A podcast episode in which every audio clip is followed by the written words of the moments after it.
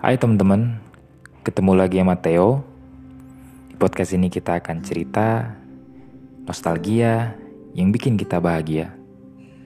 Oke para ayah, stay happy and keep moving on.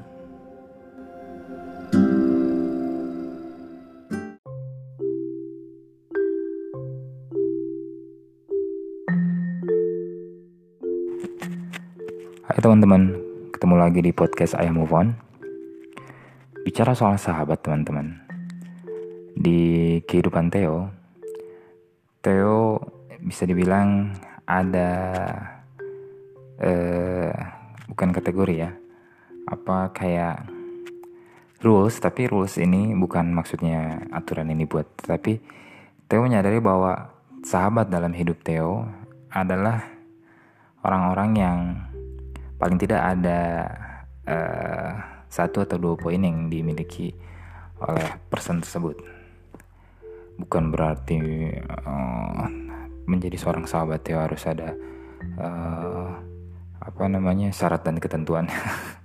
bukan, bukan, bukan jangan sampai salah nangkep. Jadi maksudnya adalah setelah Theo punya sahabat, apalagi di umur sekarang ini sudah berkeluarga, kemudian punya anak, dan sahabat-sahabat yang masih bertahan hingga sekarang, biasanya sahabat Theo adalah uh, temen yang dulu ketemunya saat remaja gitu loh. Kemudian selain itu ah kita bahas dulu kenapa teman ketemu saat remaja. Karena kedekatan kita lebih bersifat main uh, kemudian bisa dibilang uh, bandel-bandel atau bahasa kerennya partner in crime gitu kan. Karena kita ketemunya saat lagi seneng-senengnya having fun, nggak ada masalah, nggak ada beban hidup. Uh, biasanya di SMP, SMA, kemudian kuliah gitu. Kemudian yang kedua temen itu, eh, sahabat itu adalah kita nggak bisa lihat kekurangan di person tersebut. Kalau buat Theo baru itu bisa dibilang sahabat.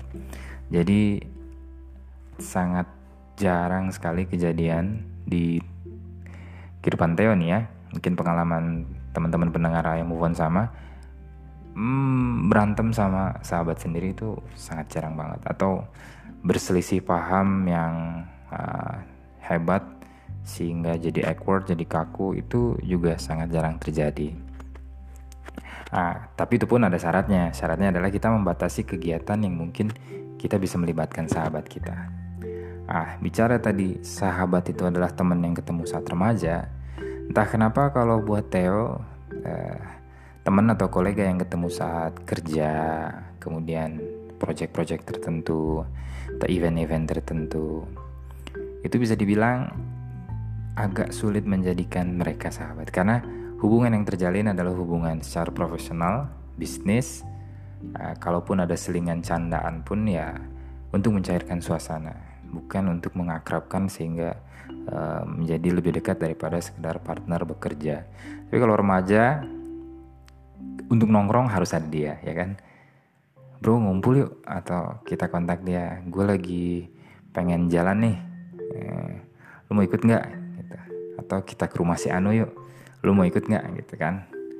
Eh, untuk suatu kegiatan yang memang kegiatan akrab, sehingga Eh, sahabat-sahabat ini terjalin karena kegiatan-kegiatan yang memang secara person adalah kegiatan untuk uh, bisa dibilang having fun dan mengakrabkan diri, bukan yang profesional terjalin kegiatan kolega proyek dan lain-lain.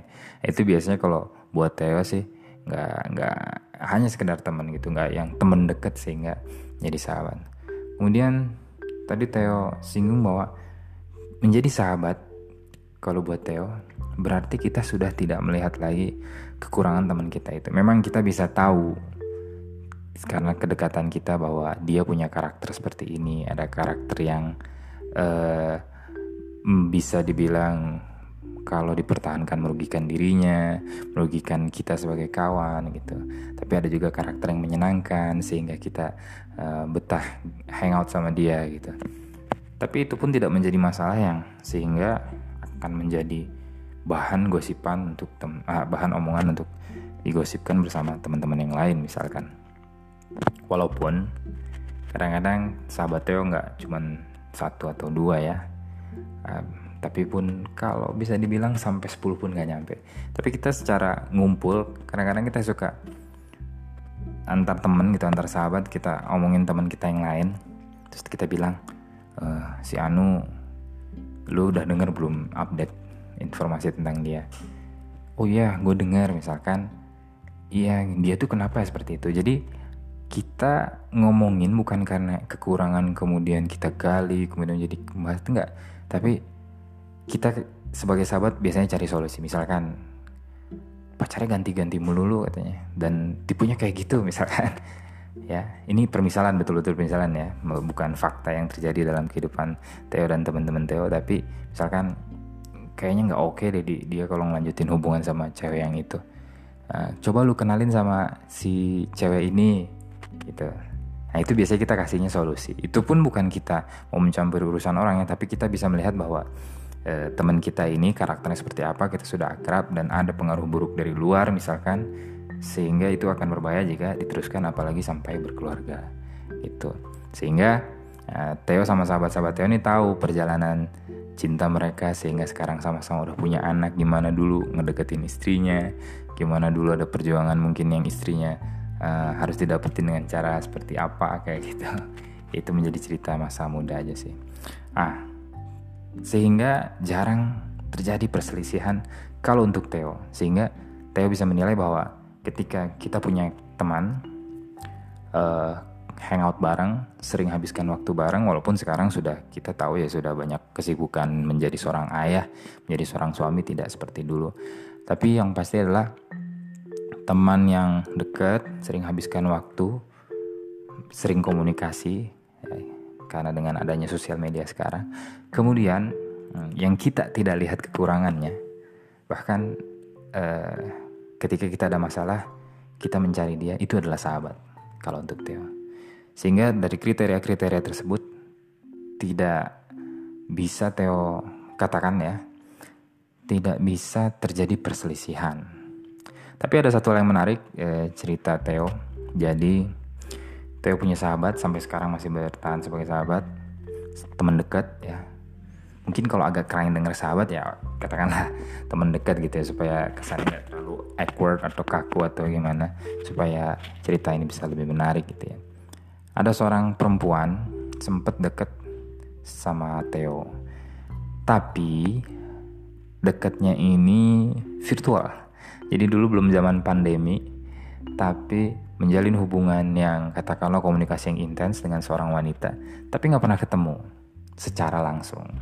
Itu cuma kirim-kiriman foto, saling berteman di Facebook, kemudian chatting dengan platform chatting ya. Kadang-kadang telepon juga karena sudah bertukar nomor telepon. Ini intens. Ya, katakanlah namanya Linda lah. Linda ini konten eh apa intens kontak sama Theo. Kita sering bercanda, uh, menyinggung hal-hal yang agak apa namanya seperti sebuah hubungan misalkan udah makan belum lagi ngapain gitu kan. Tadi sekolah balik jam berapa kuliah gimana seperti itulah. Ah karena satu dan lain hal nggak tahu gimana ceritanya. Si Linda ini kenal juga dengan sahabat Theo dan sahabat Theo mendatangi Linda ke tempatnya. Theo tinggal di uh, Bogor pada saat itu. Uh, sahabat Theo juga tinggal di Bogor. Kemudian Linda ini tinggal di Jogja, ya agak-agak deket Klaten lah ya. Sahabat Theo datengin ke sana. Kalau Theo sih nggak ada keinginan dan mungkin nggak ada kemampuan juga ya. Yang pasti nggak ada keinginan untuk mau ketemu dia karena jauh banget gitu ya. Dan kita hanya sebatas asik aja saat ngobrol itu buat Theo sudah cukup ya. Pada saat itu Theo pun tidak ada uh, pacar beneran gitu di Bogor yang ketemu langsung. Kemudian sahabat Theo ini, eh, teman dekat Theo ini datengin Linda ketemuan, akhirnya mereka hangout bareng. Kemudian ya eh, habiskan waktu bersama seorang perempuan dan laki-laki gitu kan. Gak ada ya masalah.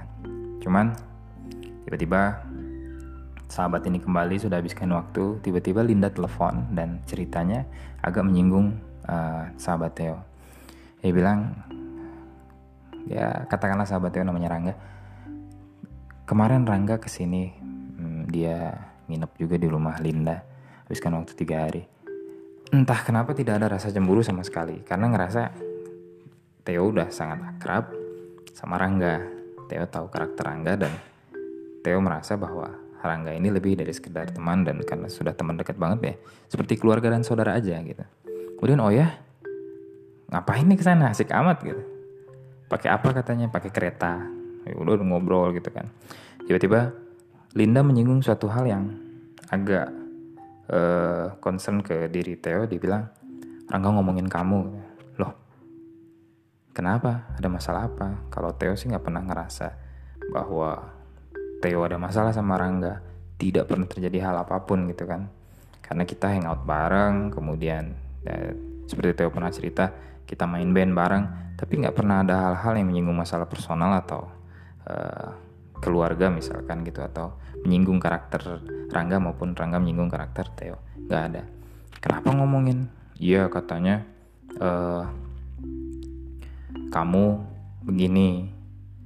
Uh, Linda ungkapkan satu hal yang uh, jelek misalkan. Dan memang pada saat itu karena keadaan ekonomi dan kita sudah sudah sudah sama-sama bekerja pada saat itu walaupun masih bujangan uh, Rangga pernah minjem duit gitu kan uh, kemudian Theo kasih karena Theo ada. Linda katakan bahwa ya Rangga bilang kalau udah urusan uang aja. Theo tuh gayanya kayak orang kaya tapi nggak pernah mau ngasih. Lah kemarin kan dikasih gitu. Gimana sih gitu?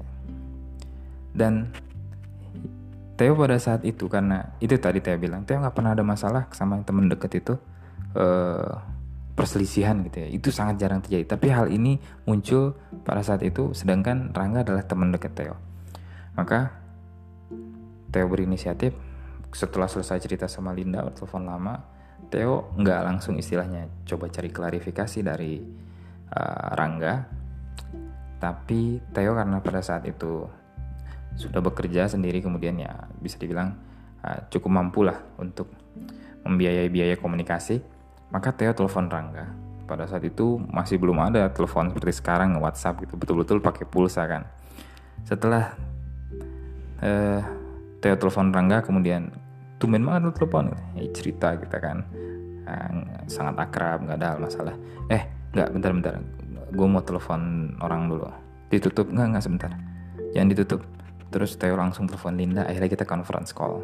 Ya pada saat itu bisa conference call ya ada fiturnya di beberapa telepon walaupun belum smartphone. Akhirnya kita ngobrol bertiga. Nggak ada Linda nih.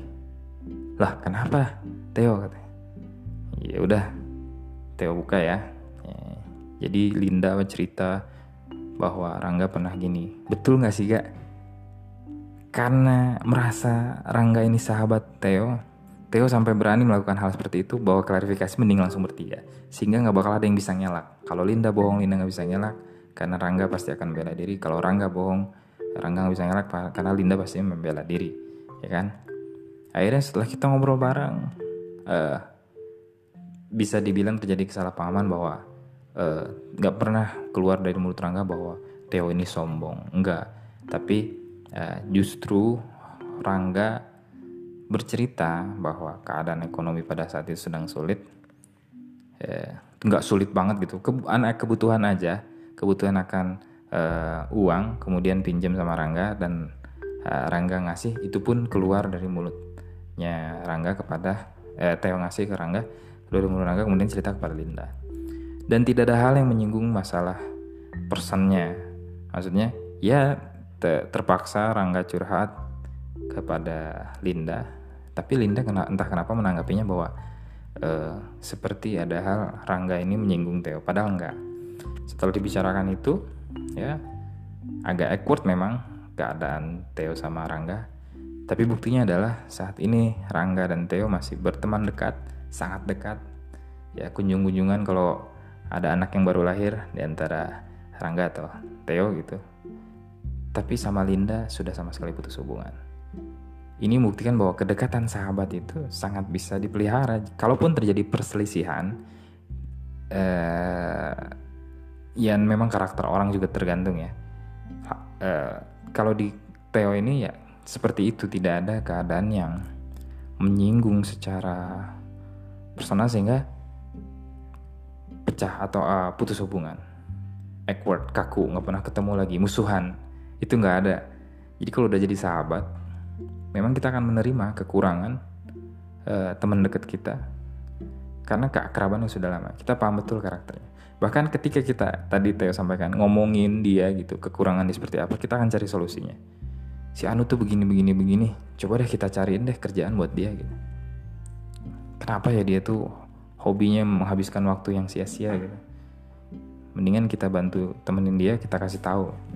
Jadi seperti itu gitu. Dan inilah yang menjalin kedekatan secara sahabat nah, tapi kriteria itu tadi Theo sampaikan harus difilter dari kegiatannya ada satu hal yang jangan pernah dilakukan sama sahabat ya Theo pernah alami ini dan walaupun tidak terjadi hal yang buruk, tapi menjadi ganjalan paling tidak di hati Theo, yaitu membuat bisnis bareng sama sahabat. Karena ketika sukses akan mempererat, tapi ketika gagal ini akan menjadi masalah. Ya, paling tidak akan terjadi apa namanya prasangka prasangka-prasangka yang apakah gara-gara dia kurang kompeten sahabat kita atau sahabat pun berpikir gitu Theo kayaknya kurang kompeten nih. Nah, bahasa-bahasa seperti itu bisa dihindari jika kita tidak menjalin bisnis bersama sahabat.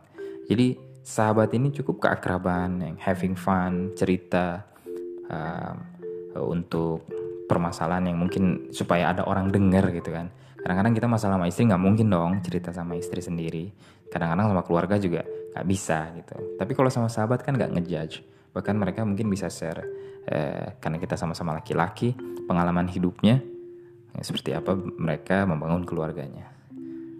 Jadi sahabat tuh dijaga kegiatannya bahwa untuk hangout, having fun, untuk mengisi uh, apabila kita ada kesulitan, apabila kita ada kesedihan, berbagi, ya. Tapi jangan pernah membangun bisnis dengan sahabat. Untuk Theo sih seperti itu. Karena bah bahayanya adalah terjadi hal yang tidak diinginkan sehingga persahabatan menjadi korban membuat apa namanya membangun persahabatan atau teman dekat dari SMP, SMA berarti kan sudah berjalan puluhan tahun ya. Berjalan 15 20 tahun misalkan seperti itu. Kemudian karena bisnis yang nilainya hanya beberapa juta nah, persahabatan ini dikorbankan. Nah, jadi itu teman-teman, kalau buat Theo bahwa persahabatan ini ada kriterianya paling tidak temenannya memang karena sudah akrab biasanya teman dari remaja bukan teman atau partner profesional dan biasanya kita pasti menerima. Dan begitu pun teman-teman pendengar ayam won kita belajar menerima kekurangan teman-teman dekat kita karena bagaimanapun banyak kekurangannya ada kekurangannya kelebihannya adalah mereka yang selalu ada buat kita biasanya tidak menghakimi itulah sahabat Semangat terus, happy terus, pendengar ayam move on. Untuk kalian yang dengar, keep moving on.